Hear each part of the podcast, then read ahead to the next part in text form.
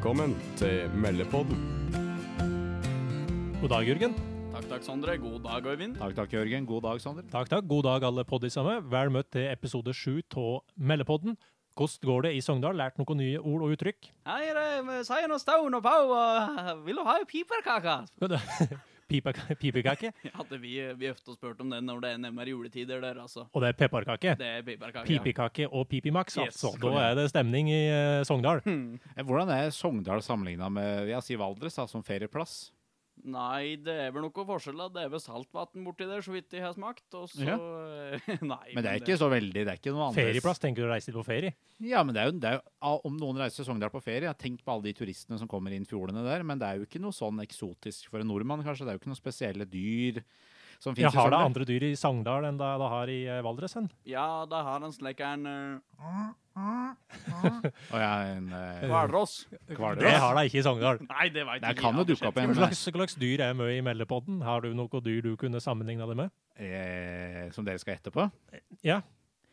Nei, eh, har du noen? Nei, altså, jeg husker når jeg var på befalsskoleopptak, så måtte han, måtte han måtte finne et dyr som han kunne sammenligne seg med. Ja, ok. Og da måtte han gå i en ring og, og, og, og herme etter det dyret og forklare hvorfor du var det her er dyret. Det var ikke skjult kamera du var på? det Kanskje det var skjult kamera jeg var på. det. Det kunne nesten tro var det flaueste jeg har vært med på lang, lang tid. Ja. Hva slags dyr var du, da? Nei, jeg, jeg måtte jo bare finne på noe, så jeg sa at jeg var en eh, Gris? fjording. En fjording? Ja, og den koste den lett. Eh, Nei, nei, nei. ja, få, eh, lag en fjordinglyd, du sa bedre enn det, da.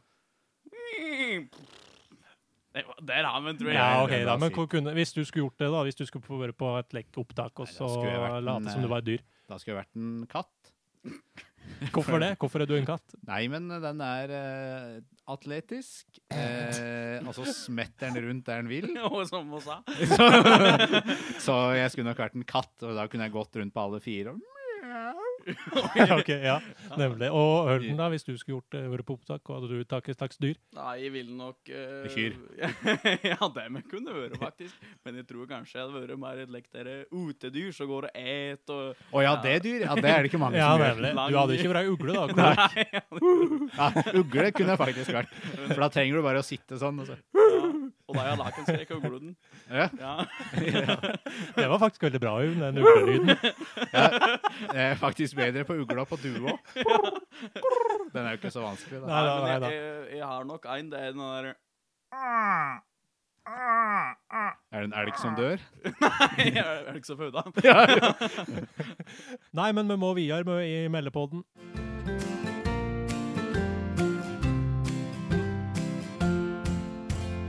Da skal de kjekkeste og for så vidt eh, eneste guttene i meldepodden sette en ny norsk fjellstandard, og jeg har lurt litt på det.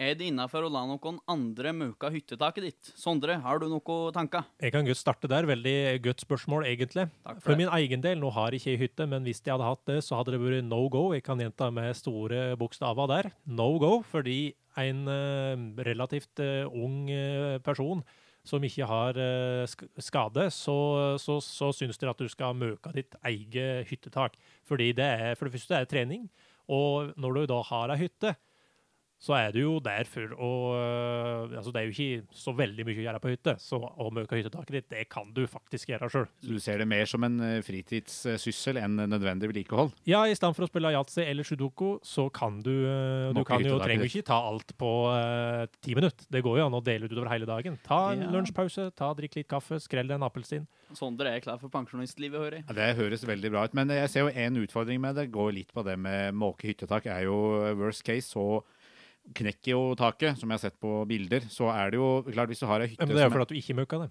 Ja, så jeg tenker Hvis du har ei hytte som er langt unna der du bor, hvor det er veldig mye styr Det er jo noen som har det. Eksempel hvis jeg hadde hatt ei hytte i Alta, så hadde nok jeg sterkt vurdert og bestilt at noen i Alta kunne komme og måke hyttetaket, for det syns jeg er for langt. Ja, ja, ja, ja. Det, det skal jeg være enig i. Hvis det, det er lang avstand, så, så, så ser jeg altså Tidspress kan jo være at du har for eksempel så travelt at du ikke rekker å reise til hytta di og møke den. Ja, men Har du noe erfaring med måke hyttetak, eller tak generelt? Ja, jeg har måkt eh, mange tak i min spede ungdom, i, altså for et par år siden. Ja. Og så, eh, Er det Hvorfor slutta du med det? Nei, jeg måtte gi meg, for det ble for mye annet rart å finne på. Ja, Eller så på ga Men nei, jeg pleier å gjøre det ennå, altså. Men, Det er lov å si at den ikke eh, har muskler til det. altså. Nei, det kan jeg ikke. ja, er, det, er det muskler, eller er det rett og slett bare ork? Altså, for du kan jo ta knøttsmå spadetak og liksom virkelig Jeg tror du sitter litt i huet med, for Ja når du tar første spadetak, og så ser du hele taket med metersvis med snø, Ja. så er det klart eh, Det er jo en eh, motivasjonsknekk å starte på det. Men jeg pleier å feite meg opp da, før jeg skal måke et tak, så jeg har noe vekt liksom å yte på. Ja, så du har Det er kanskje ikke så lurt i forhold til taket, da. For hvis Nei, det er mye snø, og så kommer du opp og så begynner du å knirke, da må du være kjapp, da. Jeg har sier det jo bula når jeg kommer opp. Har du noen gang hatt eh, håndverker i huset, og så har du på en måte lurt litt på hvordan skal jeg gjøre av med nå?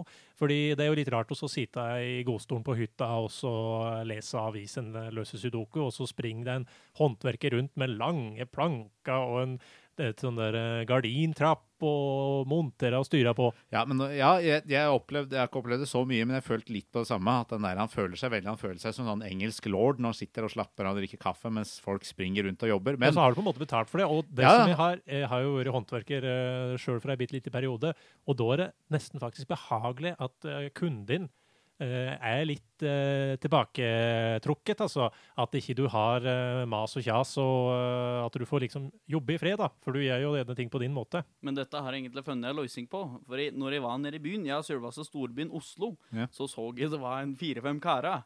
Og så, så drev og jobba ute ved Kumløk, for eksempel. Og det var én kar som jobba nede i Kumløket, og de fire andre de sto og så på. Kommunen og alt ansatte heter det. Ja, som det kan med heite. Så hver ei uke og deg, så har du løst dette der. Ja. Men, jeg tenker på håndverker, du har jo litt erfaring med det, Sonder, men det lille du og jeg brøyta jo måka et hyttetak eh, sammen. Det gikk jo ikke så fort at det ble brøyting.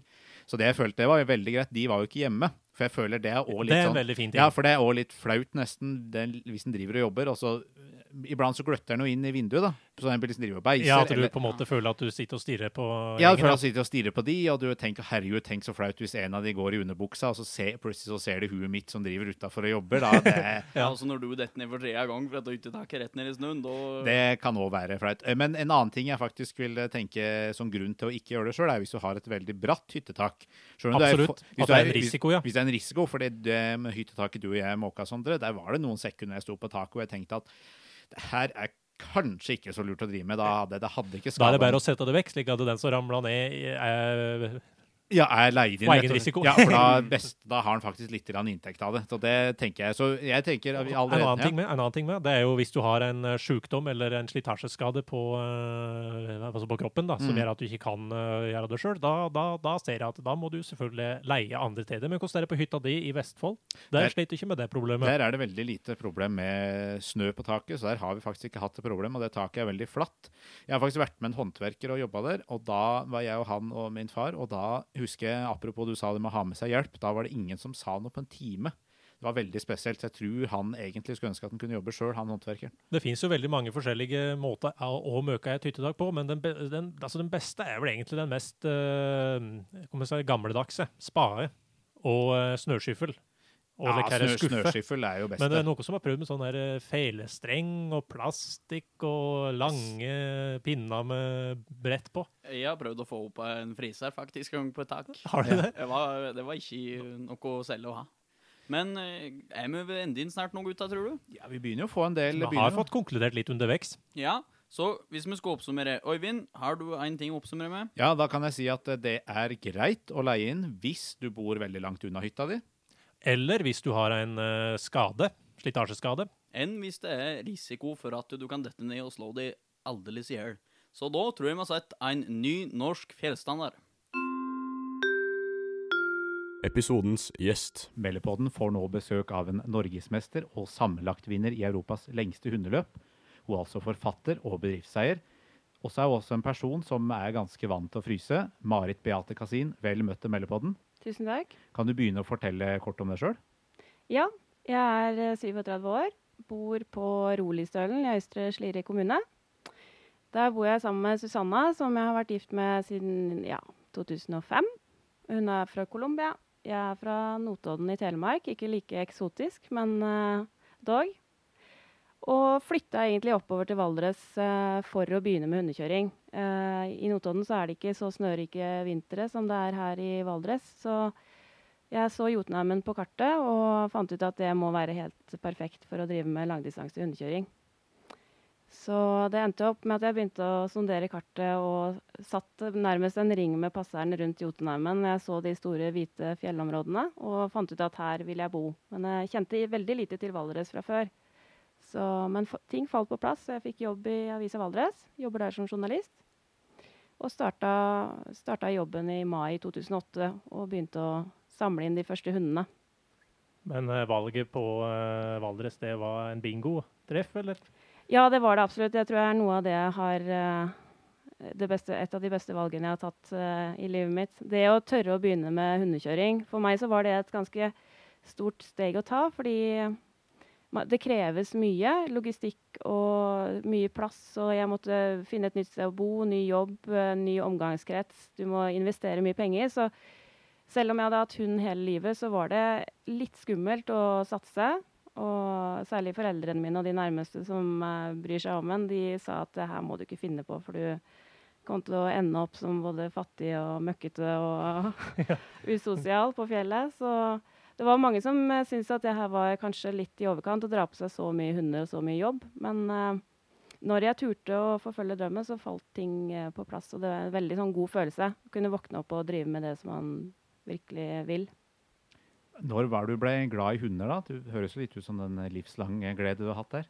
Ja, absolutt. Det tror jeg kanskje er litt sånn medfødt. Fordi familien min har alltid hatt hund, og det var det første jeg så. Når jeg åpna øya, så var det to store risenschnauzere som kikka på meg. Så det har, jeg, det har, jeg, hatt bestandig, eh, hele oppveksten.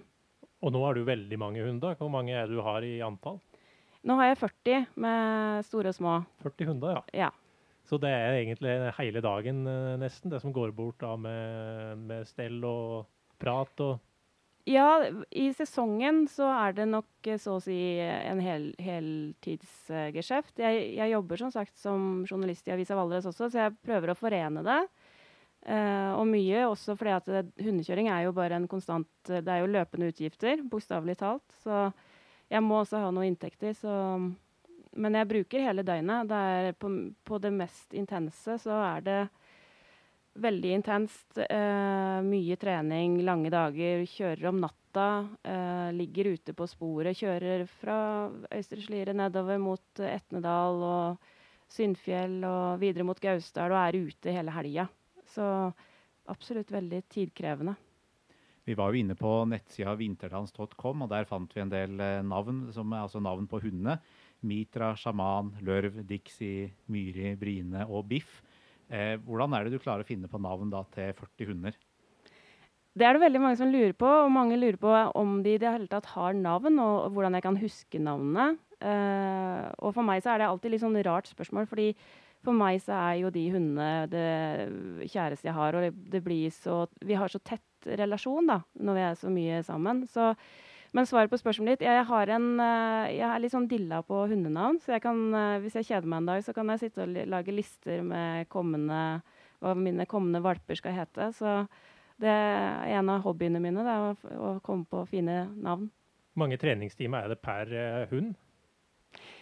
Man regner at det tar om lag 3000 timer uh, å utdanne Det er for én hund? Det, det, for du, du tar vel kanskje flere på likt? Ja, det er klart en del av treningen foregår jo i spann. Mm. Uh, sånn at jeg vil trene flere parallelt. Men uh, det tar i gjennomsnitt tre år fra en valp er Altså alt det jeg gjør med en valp, til han er ferdig utdanna løpshund, da. Med trening og løpserfaring og fòring og stell.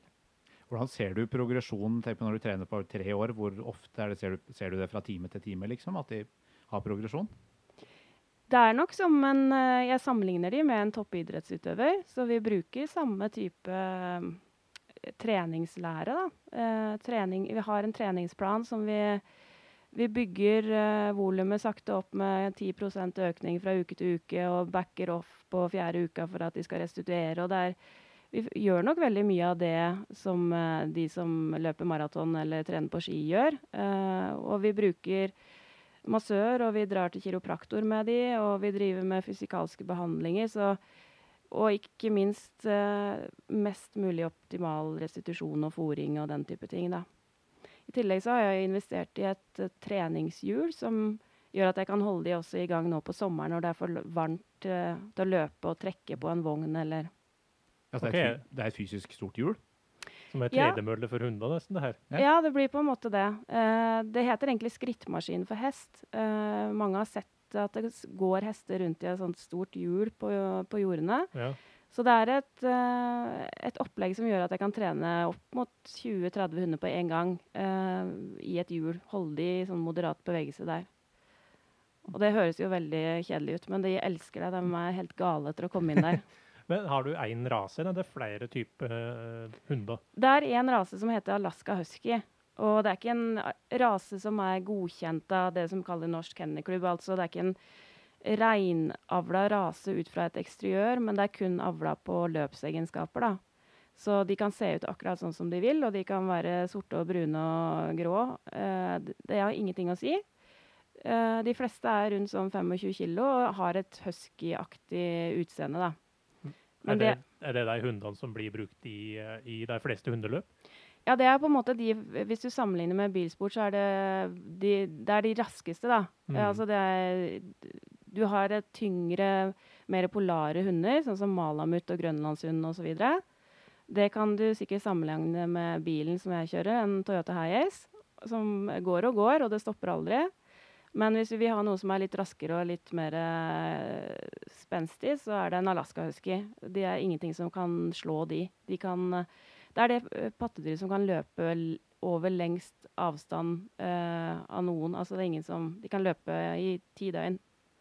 Så lenge de får mat og hvile underveis, så er de ustoppelige.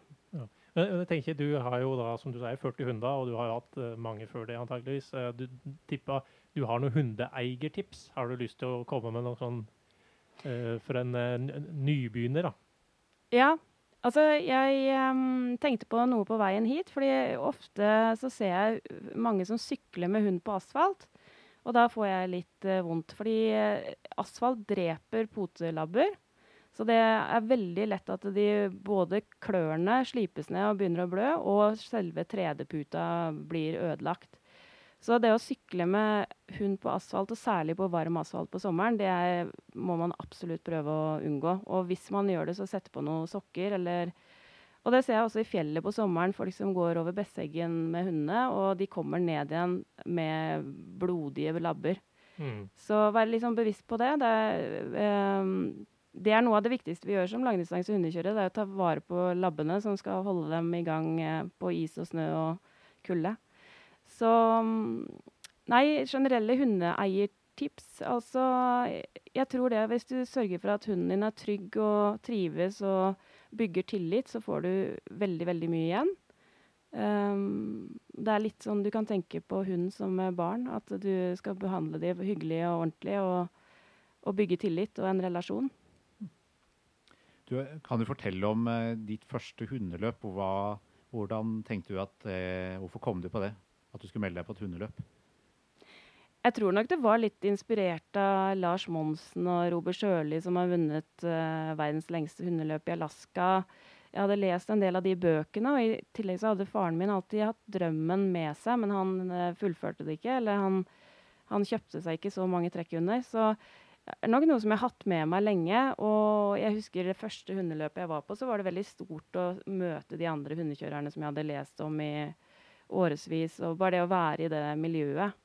Det er på en måte litt eh, For meg så er det litt den friheten og litt den sporet av på en måte noe opprinnelig, når jeg kan suse rundt på Finnmarksvidda eh, altså, døgn etter døgn, dag og natt. Man kommer inn i en sånn veldig spesiell sfære, da.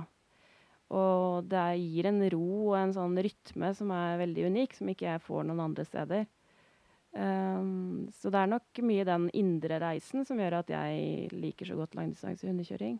Jeg og Øyvind prøvde jo å lese litt om hvordan et sånn hundeløp foregår. Kan du fortelle kort om eh, eh, hva er et hundeløp? Ja, det er jo alle varianter, men de lengste løpene som jeg velger å trene mot, eh, f.eks. da Finnmarksløpet, er jo et løp som pågår eh, dag og natt eh, i nærmest en uke. Um, og da starter vi i Alta, så kjører vi eh, til russergrensa i Kirkenes. Og drar vi ned i Pasvik, og så tilbake til Alta igjen. Det er eh, traseen. Og på den traseen så har vi tolv såkalte sjekkpunkter som vi kan hvile. Det er ikke alle sjekkpunktene som det er obligatorisk at vi må stoppe, men det er litt tilrettelagt for at vi kan hvile der. Og det velger vi å gjøre, selvfølgelig, for hundene kan jo ikke bare løpe og løpe. De må jo ha Mm. fôr og hvile. Så på de sjekkpunktene så står det da vann og halm og en sekk med mat som vi bruker til å gi bikkjene det de trenger. Uh, og da må vi stelle og ta, ivareta bikkjene, og vi møter også veterinærene der, så de er veldig godt ivaretatt. Og det er sjekk ved innkomst og sjekk før de skal ut. Um, men løpet stopper aldri, og det er alltid en brikke i bevegelse eller en annen konkurrent som kjører videre, eller For her er det ikke fellesstart, er individuell det, Ja, vi starter med ett minutts mellomrom ut fra Altra sentrum. Ja. Uh, og så har vi en tidsutligning underveis i, den, i løpet av den uka. Så det er klart, det kan virke litt sånn uh, komplisert for folk som ikke kjenner sporten, å følge med. Fordi uh, det er ikke alltid den som leder løpet, som faktisk Eller som ligger først i sporet, som leder løpet, osv. Så, videre. Så litt sånn komplisert. Og ikke minst for at det pågår dag og natt. Så vi kjører jo midt på natta når ingen andre er våkne og følger med. eh, i på Finnmarksvidda hvor det ikke er dekning og ikke vei, veiforbindelse. Så det er litt uh, uoversiktlig sport, da. Men du, du må slå opp telt og hvile over natta, og da er det, som du sier, obligatorisk eh, hvile. Ja, den lengste obligatoriske hvilen, da får kjøreren sove litt selv, for den er på 16 timer. Så da får vi en eh, god eh, hvileperiode selv. På de andre stoppene så er vi ofte bare fire timer, kanskje, og da er det hundene som får sove og hvile, og så er kjøreren på en måte Uh, Jobben min da er å ivareta bikkjene og sørge for at de får restitusjon og mat og massasje og varme, og jeg setter på dekken og håndleddsvarmer og masserer og oljer og alt. Så når, den, når jeg har gjort alt den jobben med hundene, så er det ikke noe tid til å sove. Da får jeg gi Nei. meg kanskje noe mat og noe kaffe, og så er det ut igjen. Så det er det mest krevende med langdistanse hundekjøring, at du, du blir så utrolig um, uh, Du får så søvnunderskudd, så du, Ja, du ja. blir veldig ørska. Og du må på en måte takle deg selv uh, uten søvn, da. Så Så det stoppe og planlegge deg, det er litt av hele sporten. fordi det vil jo være litt stressende, vil jeg tro, når konkurrenten eh, kanskje er klar og går det, så vil jo du eh, følge på, men da har du den obligatoriske stoppen som du må eh, gjennomføre, da. Ja, vi har en kjøreplan som vi har spikra på forhånd som sier at eh, sånn og sånn skal vi kjøre, og den er vi ganske slaviske på. Hvis det ikke dukker opp en storm eller noe som gjør at vi må eh, tenke nytt og annerledes. Men eh, eh, til slutt i løpet av denne uka så er man såpass sliten og trøtt at man må ha en kjøreplan som er låst på forhånd. eh, som Sånn at man ikke begynner å stille spørsmål skal jeg ut etter tre eller fire timer. Det må du ha bestemt deg før du kommer til Finnmark. Eh, for hvis du begynner å argumentere med deg selv i en sånn trøtt tilstand, så ender du opp med å ville hvile litt mer. Og så, ja. så du må være veldig bestemt på det på forhånd. At eh, er det tre timer, så er det tre timer, og da skal du ut på tre timer. Er det førstemann i mål som vinner, eller er det et poengsystem? Det er førstemann i mål som vinner, ja. Hvordan er du forbereder deg jeg tenker spesielt på det mentale, hvordan er du forbereder deg på liksom, søvnunderskudd? Har du noen sånne knep, eller er det bare sånn learning by doing? Det er absolutt en erfaringssport, så man lærer eh, ved å være i gamet og kjøre mye løp. Uh, første gangen jeg hadde en hallusinasjon ute på sleden, f.eks., så var jo det en helt sånn surrealistisk opplevelse. Altså, det var sånn som jeg prata om i 14 dager etterpå. Nå er jo det på en måte bare en del av uka på Finnmarksvidda. Så man vokser jo veldig mye bare på, bare på å måtte presse seg gjennom det. Jeg tror Hvis jeg hadde fått møte på de utfordringene sånn i, på en treningstur eller i dagliglivet, så hadde jeg jo aldri gått gyvd løs på det. Det er fordi jeg føler at jeg må da når jeg er i en løpssammenheng. Og, så det er noen av de uværa og sånn som jeg ser tilbake på nå som jeg ikke skjønner åssen vi har kommet oss igjennom. Men når man klarer det, så høster man jo noen erfaringer og vokser litt på det. Så det finnes ingen eh, kultur altså, som Når du skal lære å spille gitar, så går du på kulturskole. Det finnes ingen eh, skole der du kan lære om hundeløp. Det må læres til sjøl eller jo andre som driver med det. Ja, langt på vei så er det jo Du kan jo lese deg opp, og du kan jo se noen videoer osv., men det er jo det er først og fremst å erfare det selv. altså Bygge den relasjonen med bikkjene. Eh, forstå hva som skjer hvis du f.eks. kutter 20 minutter hvile. Hva, hva slags effekt har det på slutten av den uka? Man tenker kanskje at eh, en time fra eller til i hviletidsskjemaet til bikkjene ikke har noe å si, men det er enormt mye å si. Så det er alle de erfaringene. Det er på en måte eh, en sånn sammensatt Det er så mye som man eh, ikke kan kontrollere. Altså konkurrenter og vær og vind. Og, og, så er det veldig mye som man kan kontrollere av detaljer, som må være helt 100% på plass for at man skal lykkes. da. Og det tror jeg ikke man kan lese seg til eller studere seg til. Det må man på en måte erfare selv. Hvordan kan eh, delta på et hundeløp? Eh, blir du invitert, eller melder du på? Uh, hvem som helst kan melde seg på, men det er kvalifiseringskrav. Sånn at du går på en måte stigen, da. Du kan ikke melde deg på lange Finnmarksløpet uten å ha kjørt kvalifiseringsløpet i forkant. Nei.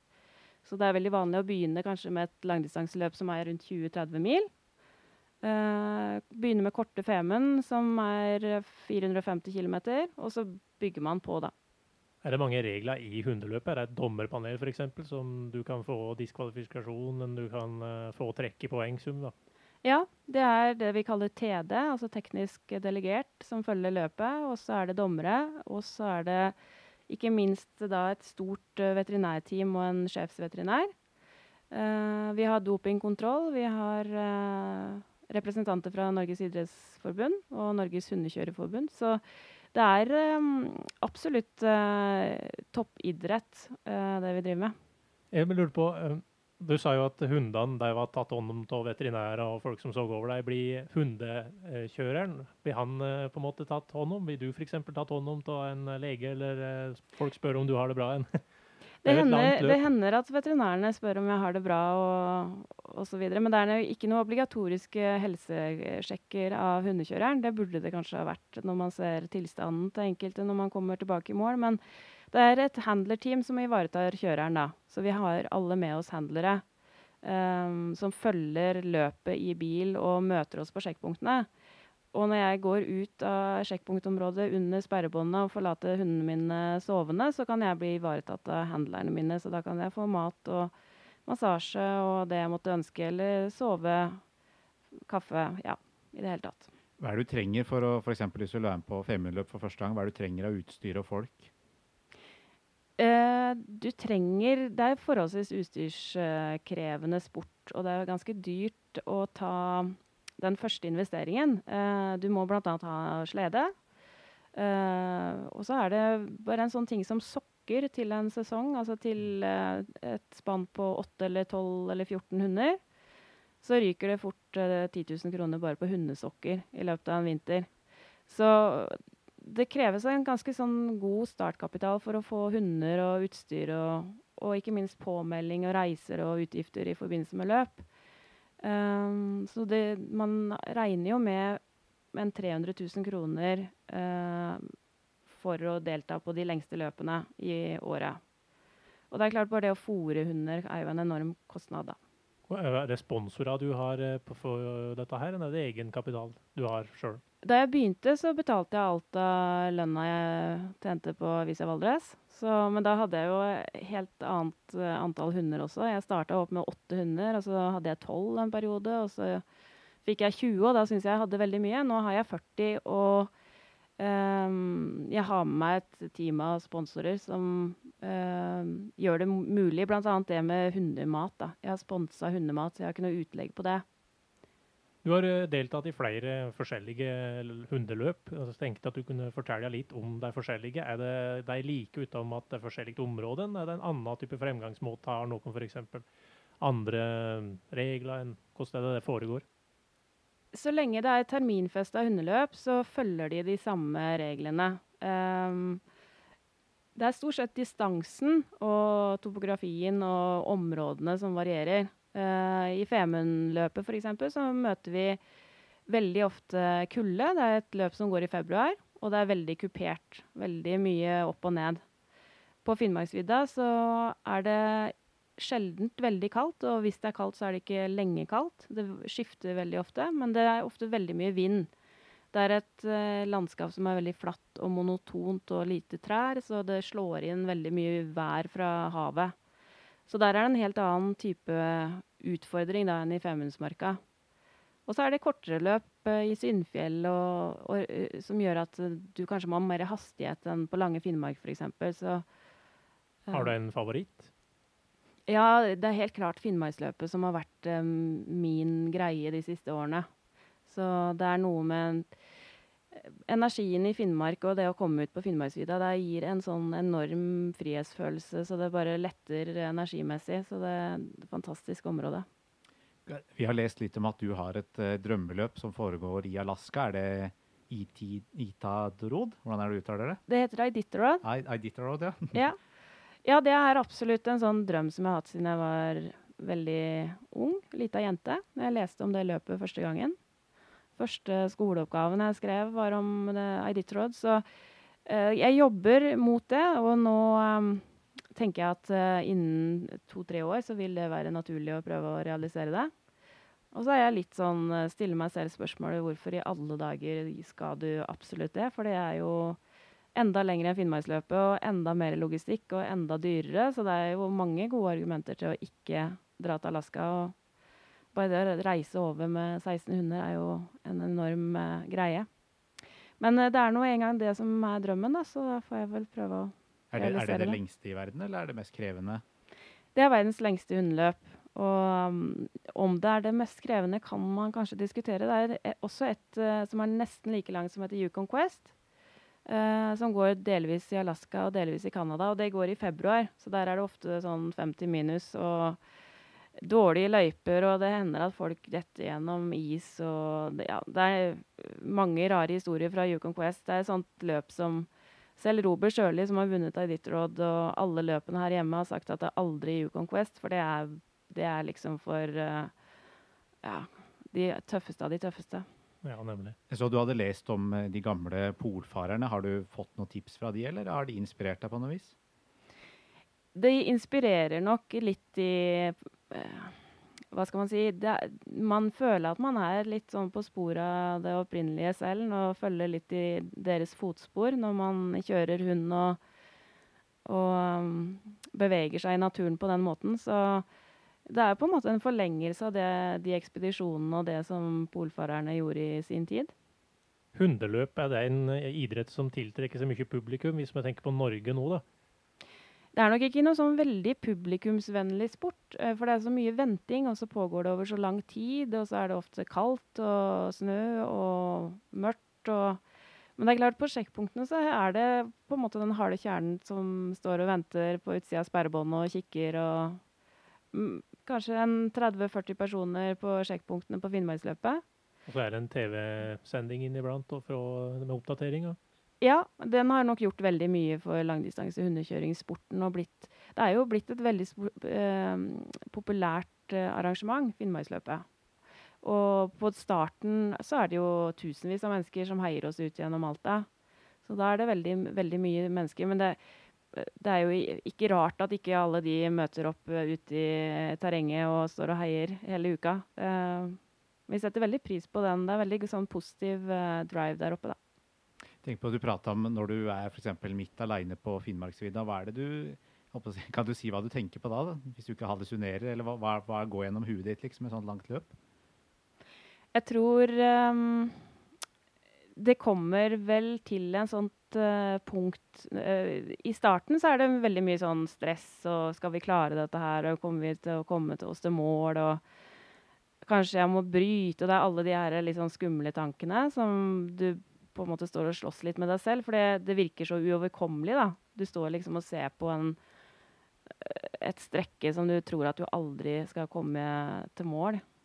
Men etter hvert som på en måte hodet stilner litt, og du kommer inn i en sånn uh, rytme på sporet hvor du blir mer rolig sjøl, så blir det veldig stille. Altså, jeg hører ikke disse her uh, støytankene, og man blir liksom mer i Eh, liksom mer i takt med både seg selv og med naturen. Da. Og det er den tilstanden som jeg setter så pris på. For det, det er en sånn veldig tilfreds, eh, god boble man står i. Eh, og der føler man at da kan alt skje i resten av verden. Man er liksom bare ute der med bikkjene, og det er deg og bikkjene og naturen og veldig, veldig sånn intenst. Jeg føler at jeg lever veldig ekte og intenst når jeg er ute på Finnmarksvidda der. Selv om det ikke skjer så mye, så er det på en måte noe som er veldig ekte, da. Har du deltatt på et løp der eh, du, det ikke gikk helt som det skulle? Et eksempel f.eks. at du har glemt en uh, vesentlig ting, en, uh, det er for lite mat f.eks.? Ja, det har vært mange sånne historier. Altså alt fra at jeg har mista spannet, til at jeg har Veldig vanlig er jo å forsove seg når man skal ut, for man er jo så trøtt. Så man klarer ikke å våkne på tida, så man våkner liksom tre timer etterpå, alle har reist og lurer på hva som skjer. Uh, men det mest dramatiske var nok den gangen som jeg mista spannet oppe på det som heter Laksefjordvidda, på Ifjordfjellet. Et veldig værutsatt høyfjellsparti på Finnmarksvidda. Da mista jeg spannet i et uvær der oppe på starten av løpet så var alle 14 hundene var med, og de, de bare, når jeg ropte på dem, så bare kikka de på meg, snudde seg så vidt med, på, med hodet og bare fortsatte å løpe, da. Og da sto jeg der uten mat eller drikke eller, og ikke dekning på telefon og ikke noe GPS. Og, og visste ikke hvor bikkjene hadde tatt veien. Uh, og da er det så mye liner, og det er så mye krefter. Så hvis én hund da får en line rundt foten f.eks., mens de andre drar, så det er veldig mye som kan gå galt når 14 topptrente hunder drar av gårde på egen hånd. Så det var veldig, veldig dramatisk. Eh. Hvordan var det du fant at uh, hundespannet? Nei, Man begynner jo å løpe etter, da. Men uh, det er klart, her var det verken Det var et veldig uvær, som sagt, og ikke noe spor. Så jeg så jo det viskes ut uh, i, momentant, de sporene fra sleden og hundene. Så jeg visste jo ikke hvor de hadde tatt veien. Så jeg begynte bare å løpe etter og ropte og ropte og ropte. ropte, Men uh, etter hvert, jeg tror det kanskje var en sånn 20 minutter, halvtime, så kom det en konkurrent bak meg. da. Vi er jo ganske spredd i feltet. Uh, så det tok litt tid, men da fikk jeg lov til å stå på den ene meien hans, da. Og vi jobba oss framover. og og prøvde å ringe nødnummeret, og det var jo som sagt ikke dekning, så da kom vi ikke gjennom med noe som helst. Og bare jobba, og jeg grein og hyla, og vi sto der og sparka og staka for å komme framover. Og grunnen til at jeg var så opprørt, var at jeg for det første så var jeg helt sikker på at løpet mitt var over. Og for det andre så var jeg sikker på at noen av bikkjene var skada, og kanskje noen var kvært til og med.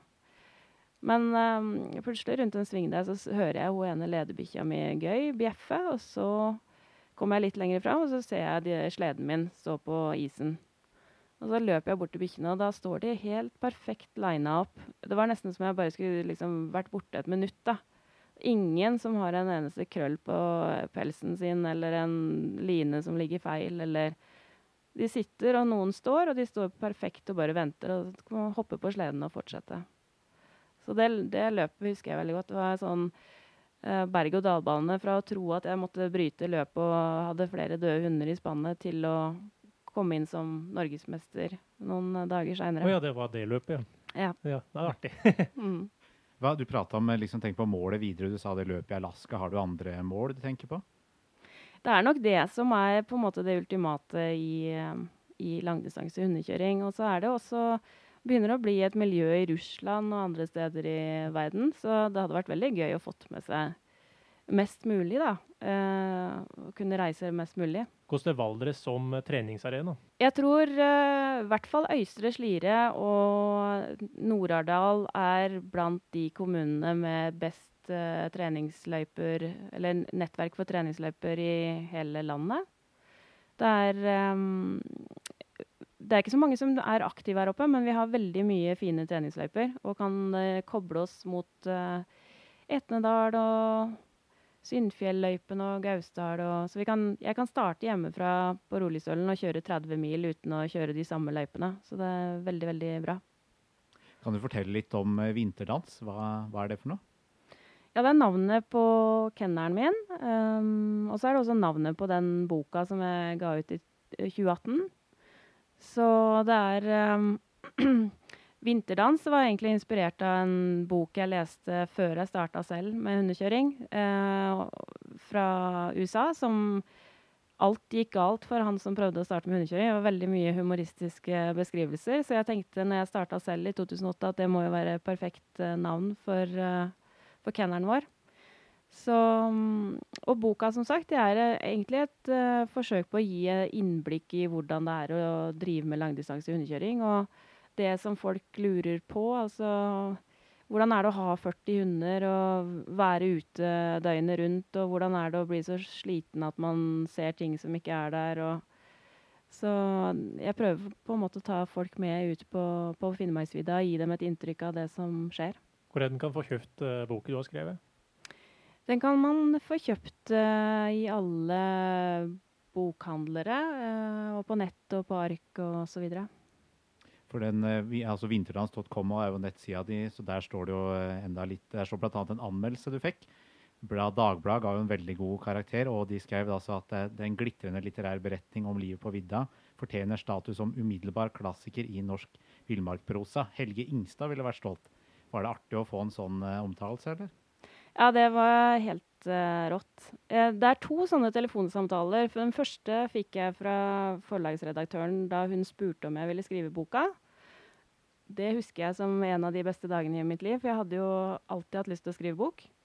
Og så var det den dagen her hvor hun ringte meg når jeg var på vei på jobb og sa at Marit, du har fått terningkast seks i Dagbladet. Det var rett etter utgivelsen, og det var for en som har sittet hjemme og skrevet en bok for første gang og vært i tvil om det her i det hele tatt er lesbart, så var jo det uh, fantastisk å få den uh, anmeldelsen der. Du prater litt om kenneldriften. Er det kun når jeg tenker på kennel, så er det at du kan komme dit med din egen hund og når du f.eks. skal på ferie. Men er det her en kennel som tar vare på dine egne hunder, eller har du andre sine hunder som du trener og tar vare på? Nei, det her er altså en løpskennel, da. Så det er, um, det er um, mine hunder som er der. Uh, jeg ikke, tar ikke imot andre, eller at de kan sette igjen hundene sine der. Uh, det vi gjør, er at vi begynner å se på å kunne ta med oss flere ut på tur. For det er veldig mange som har lyst til å oppleve det vi opplever, og det, vi har lyst til å dele det. Så vi har muligheten til å, å ha noen litt mer um, lange, litt sånn eh, tøffere turer. Litt mer ekspedisjonspreg på våren. Er det turister som du tenker på her primært? Ja. ja. Både fastboende og turister har henvendt seg og, og, hatt lyst til å være med på tur. Og det kommer vi til å åpne opp for etter konkurransesesongen, da. Sånn uh, mars-april. Du har flere i teamet, da. Uh, en såkalla logistikk, handler og valpeskip. Mm. Hvordan er det støtteapparat, en time rundt et hundeløp funker? Ja, det er, For din del, da?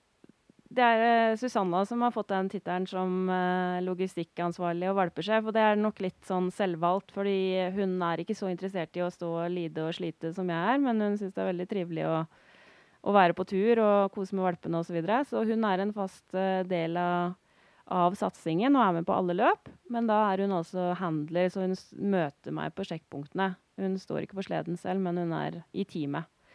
Uh, og så har vi ofte med oss uh, to til tre personer til, da. Uh, blant annet fordi at vi kjører så store avstander med bil. de kjører jo 120 mil med bil og henger. Så, og må ivareta det som vi kaller dropphunder, altså hunder som blir tatt ut av løpet. Um, og de må ivareta mye Uh, følge med på været, se på strategi, uh, oppdatere seg på hva som foregår. Uh, så det er mye en sånn handler må gjøre, da.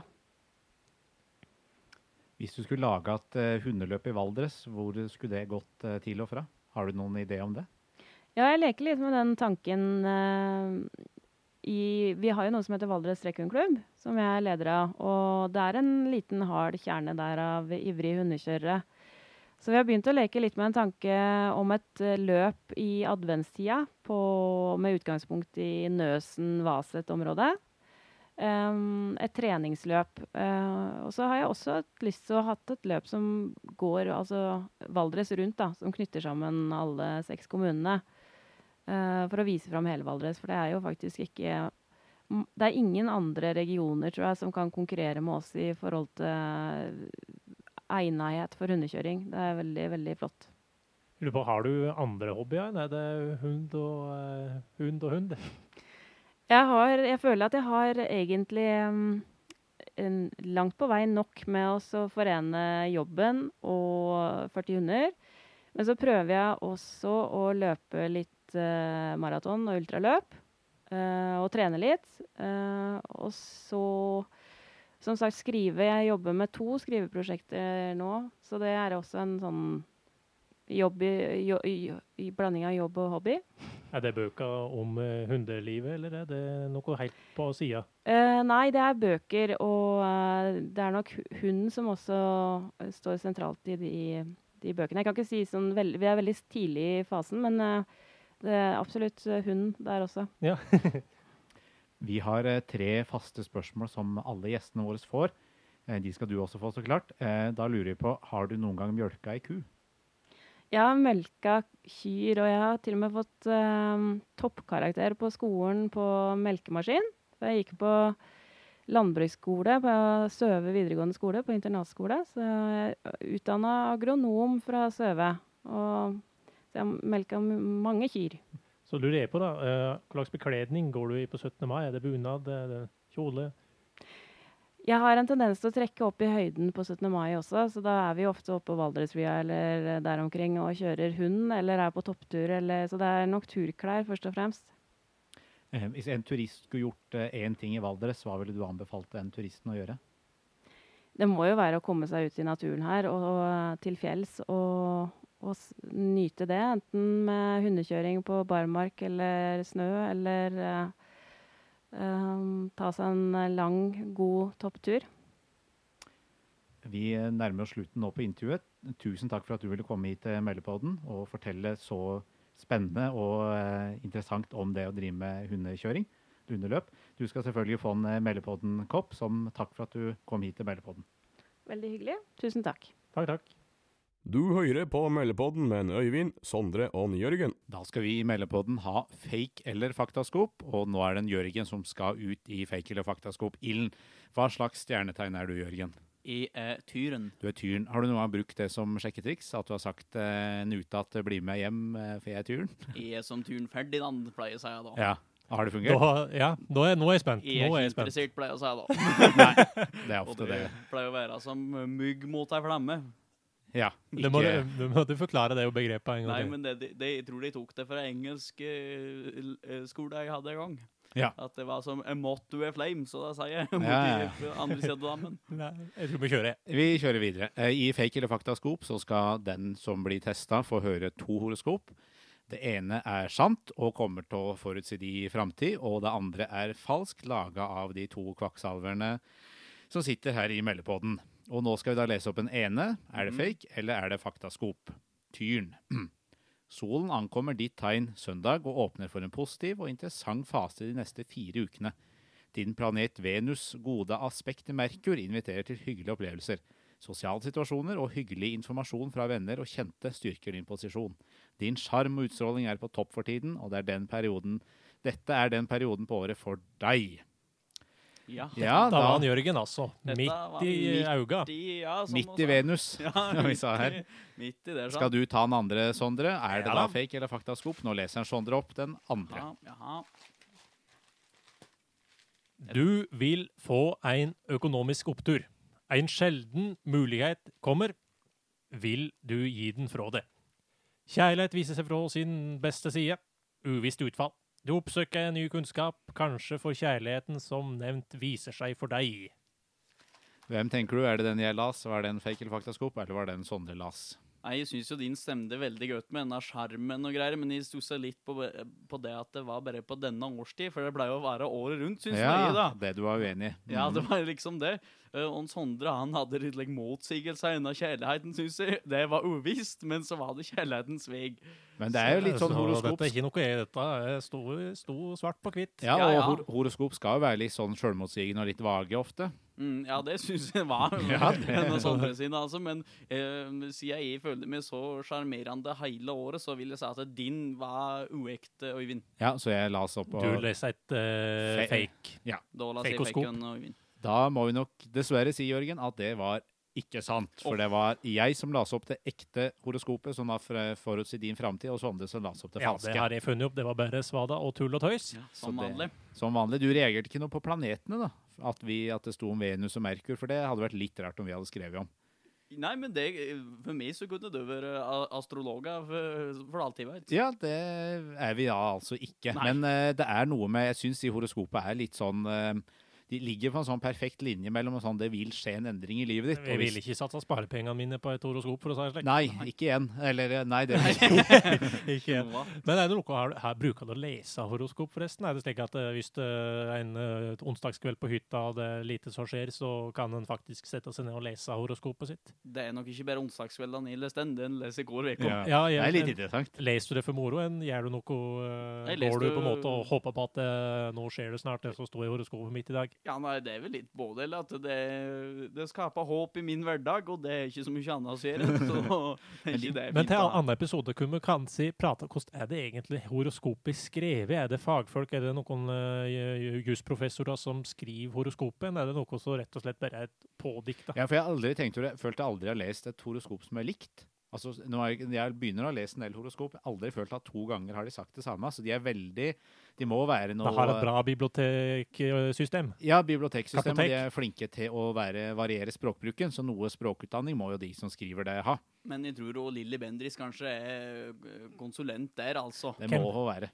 Lilly Bendriss, har du aldri hørt om Lilly Bendriss? Nei, hvem er det? Nei, hun burde du gå til. Hun kan her har like mystiske evner der og ser daue folk og greier. Så Og er det spåkjerring? ja, noe slik. Hun er med åndenes makt. Oh. Nei, men uh, dette var altså fake og faktaskop i uh, utroen til Meldepodden før episode sju. Vi oppfordrer alle til å uh, følge oss på Instagram, for der blir det lagt ut eh, nyheter om podkasten vår. Ellers så er det vel egentlig bare å si ja, vi hørs. Vi hørs. Vi hørs.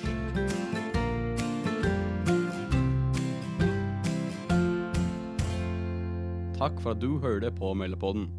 Sjekk oss ut på Facebook og Instagram. Vi hørs!